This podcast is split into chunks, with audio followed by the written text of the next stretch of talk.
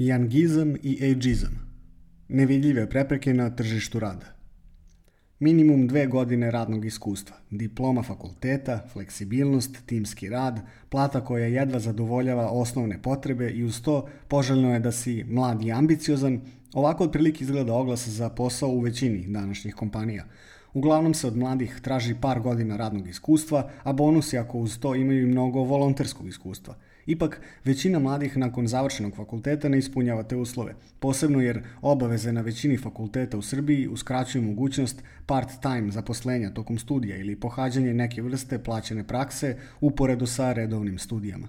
Nedostatak prakse i godine radnog iskustva neretko budu prva prepreka pri nedobijanju željenog posla. O tome svedoči gotovo 70% učesnika u Oblakoderovoj anketi koja je nastala za potrebe pisanja ovog teksta – Anketirani navode da su nailazili na prijeve za posao koje zahtevaju veliko iskustvo, iako traže mlade radnike.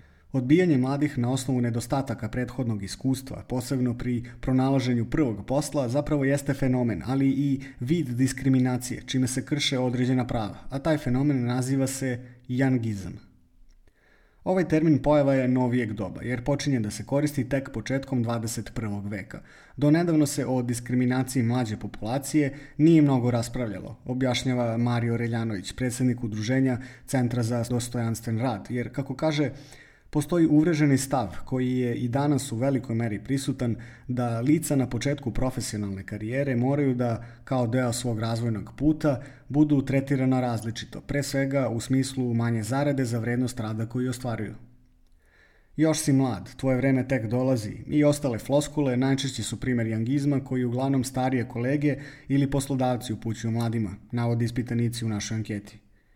Iako se jangizam pretežno primećuje kada je u pitanju diskriminacija na poslu, ova vrsta diskriminacije može se odnositi i na onu od strane profesora prema studentima.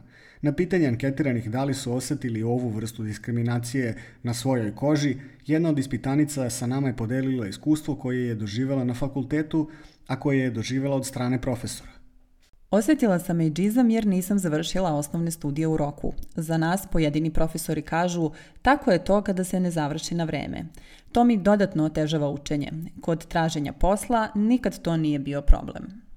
Psihološkinja i istraživačica angažovana u civilnom sektoru i zaposlena u fondaciji Centar za demokratiju Sarita Bradaš Ističe da podaci iz istraživanja o diskriminaciji na tržištu rada poverenice za ravnopravnost pokazuju da u oblasti rada i zapošljavanja starosno doba predstavlja osnov za diskriminaciju, posebno kod starijih i mladih.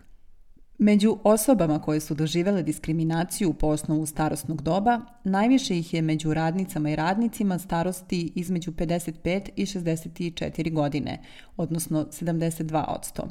Među onima sa radnim iskustvom preko 30 godina, 64%, kao i mlađih radnika, 57%, i onih bez radnog iskustva, 50%. Treba imati u vidu da ova vrsta diskriminacije ima izražen rodni aspekt, što znači da je diskriminacija izraženija među mladim i starijim ženama, nego među njihovim vršnjacima muškarcima.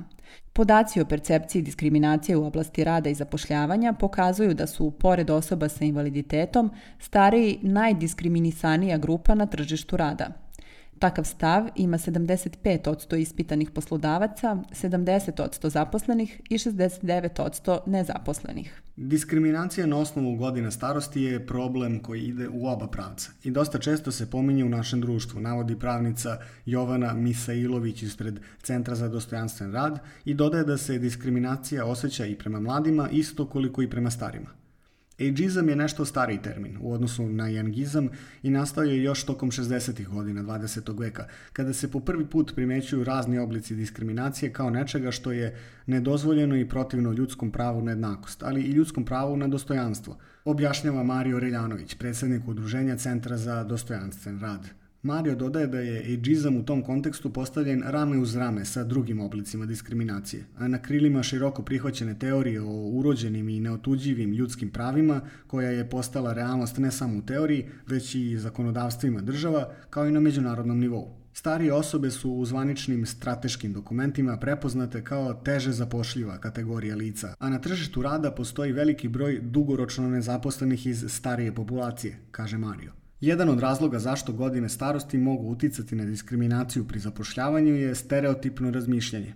Neravnopravnost koju osjećaju stari kada premaše 50. godinu života najčešće se ogleda u tome što ih poslodavci karakterišu kao da više nisu sposobni za obavljanje određenih zadataka, da ih je vreme pregazilo i da su tehnološki nedovoljno obučeni.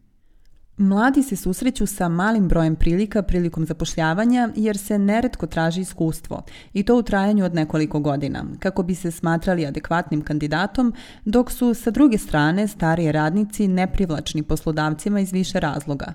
Ukoliko je reč o licima koja primjera radi imaju samo nekoliko godina do penzije, često se polazi od pretpostavke da su to radnici iz starog doba, odnosno da su neprilagodljivi brzim promenama na tržištu rada koje se vezuju za novo digitalno doba. Sa druge strane, mlade shvataju previše neozbiljno, samo zato što su mladi, te se od njih očekuje da se mnogo više dokazuju. Jedna od ispitanica iz naše ankete podelila je svoje iskustvo tokom obavljanja studentskog posla i iznela svoje zapažanje u vezi sa ageizmom i angizmom. Starije diskriminišu često u poslovima koji nisu mnogo plaćeni, rekla bih. Za mlade uglavnom misle da ima prostora za napredak, ali im mnogo više zameraju greške jer ipak imaju autoritet nad njima. To sam iskusila na jednom studentskom poslu. Veliki jaz između mladih koji tek dolaze na tržište rada i nešto starijih kolega može biti još jedna prepreka pri zaposlenju. Mladi radnici najčešće imaju problem jer su prilagodljivi, naročito zbog vremena u kom su rođeni. Samim tim, veoma rano su upoznali savremene alate za rad, kao što su internet, kompjuteri, moderne aplikacije i tome slično. Možda upravo to može biti prepreka da pronađu adekvatno zaposlenje, kako objašnjava pravnica Jovana Misailović, jer poslodavci iskorišćavaju položaj mladih, odnosno njihovo neiskustvo i potrebu za prvim zaposlenjima. Najčešće nude ugovore kojima se ne zasniva radni odnos, što vodi eksploatacije radne snage, unižavanja radnih prava mladih, ali i veći broj onih koji se odlučuju da rade na crno ili da odu u inostranstvo. Učesnici u Oblakodarove anketi su kao neke od najvećih prepreka pri dobijanju posla navodili nedovoljno prethodno iskustvo, manjak radnih mesta, nepotizam, pogrešan odabir fakulteta i sl. Međutim, pored poteškoća da se zaposli, gotovo polovina anketiranih osetila je neki vid diskriminacije na osnovu svojih godina, najčešće od strane kolektiva na poslu, pri pronalaženju posla, zatim na fakultetu, ali i od porodice, starije braće i sestara. Ovakve situacije na samom početku karijernog puta često mogu da demotivišu mlade, možda čak i stvore nepotreban strah od nadređenih ili autoriteta. Pored toga što je diskriminacija svaki vid nejednakog postupanja prema drugim ljudima ili grupi ljudi, najčešće na osnovu nekog ličnog svojstva, diskriminacija često može ostaviti svojevrsne traume na pojedinca, naročito ako dolazi do ismevanja ili nipodaštavanja tuđeg rada. Tako osobe koje su doživjele neki oblik diskriminacije vrlo često mogu imati problem sa samopouzdanjem, što također može uticati na produktivnost njihovog rada i učinka. Kako navodi Sarita Bradaš, svaka diskriminacija predstavlja kršenje radnih prava, te podsjeća da su radna prava jedan od stubova dostojanstvenog rada. Međutim, nekada je vrlo teško uočiti šta predstavlja direktnu diskriminaciju naših prava i da li se zaista možemo zaštititi od toga. Nekada je diskriminacija manje uočljiva, kao kada na razgovoru za posao umjesto vas izaberu nekoga koji je par godina stariji, jer poslodavac tada zaista ima mogućnost da sam odluči koga će zaposliti, a vi vrlo često ne možete da procenite da li su godine jedini razlog. Međutim, kada poslodavac kao kriterijum razlikovanja odabere one kvalitete, odnosno lična svojstva kandidata za posao koja nemaju veze sa obavljanjem posla na koji konkuriše, to postupanje postaje nezakonito i možemo govoriti o diskriminaciji, navodi Mario Reljanović. Kako on kaže, neće biti diskriminatorno ako je poslodavac oglasio da se za neke naročito komplikovane poslove kandidat mora da posjeduje bar 10 godina radnog iskustva, ali će biti diskriminatorno ako takav uslov nije potreban, niti je oglašen, a poslodavac odbije kandidata samo zato što je mlađi ili stariji od očekivanog. Diskriminacija je veoma perfidna pojava i redko koji poslodavac će danas to učiniti otvoreno što stavlja kandidata za posao u nezahvalan položaj, jer kandidat mora pokazati, kako zakon kaže, učiniti verovatnim da je do diskriminisanja došlo. To nije nemoguće, naravno, ali u pojedinim slučajevima jeste jako teško i neefikasno. Dok se postupak završi i utvrdi postojanje diskriminacije, lice koje je konkurisalo za posao neće moći da čeka na odluku, već će svakako probati da se zaposli negde drugde. Tako da je odgovor na ovo pitanje da, možemo se pozvati na zabranu diskriminacije kako prema zakonu o radu, tako i prema zakonu o zabrani diskriminacije. Ali, nažalost, pravna sredstva koja stoje na raspolaganju neće uvek biti dovoljna da diskriminaciju spreče, kao ni da dovedu do pravilnog sankcionisanja poslodavaca, kaže Mario.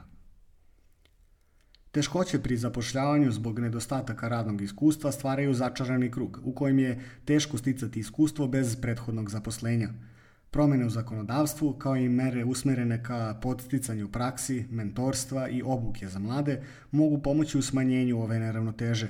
S druge strane, stari radnici se često susreću sa diskriminacijom na tržištu rada. Predrasude o njihovoj produktivnosti kao i prilagodljivosti mogu ih staviti u nepovoljan položaj pri zapošljavanju ili čak dovesti do gubitka posla nekoliko godina pre penzije.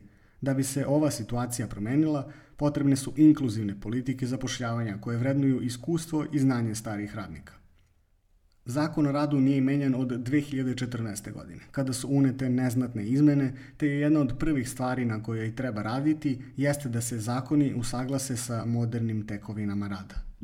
Kada mladi budu mogli da rade u skladu sa svojim mogućnostima i htenjima i u skladu sa onim za šta su se školovali, a starija lica ne budu dobijala otkaze nekoliko godina pred penziju i od tada ostajala nezaposlena jer niko neće da ih zaposli sa izgovorom kome treba radnik pred penziju, promene neće ići na bolje.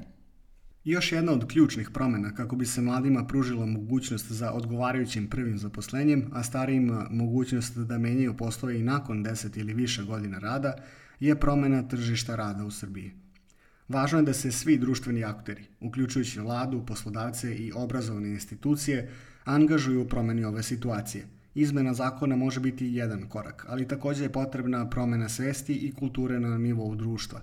To uključuje podizanje svesti o vrednosti i doprinosu mladih i starih radnika, kao i uklanjanje predrasuda i stereotipa koji su prisutni u vezi sa njima – Pored toga, poslodavci mogu igrati važnu ulogu tako što će pružiti priliku za obuku, mentorstvo i razvoj karijere kako bi se mladim i starijim radnicima omogućilo da iskoriste svoj puni potencijal.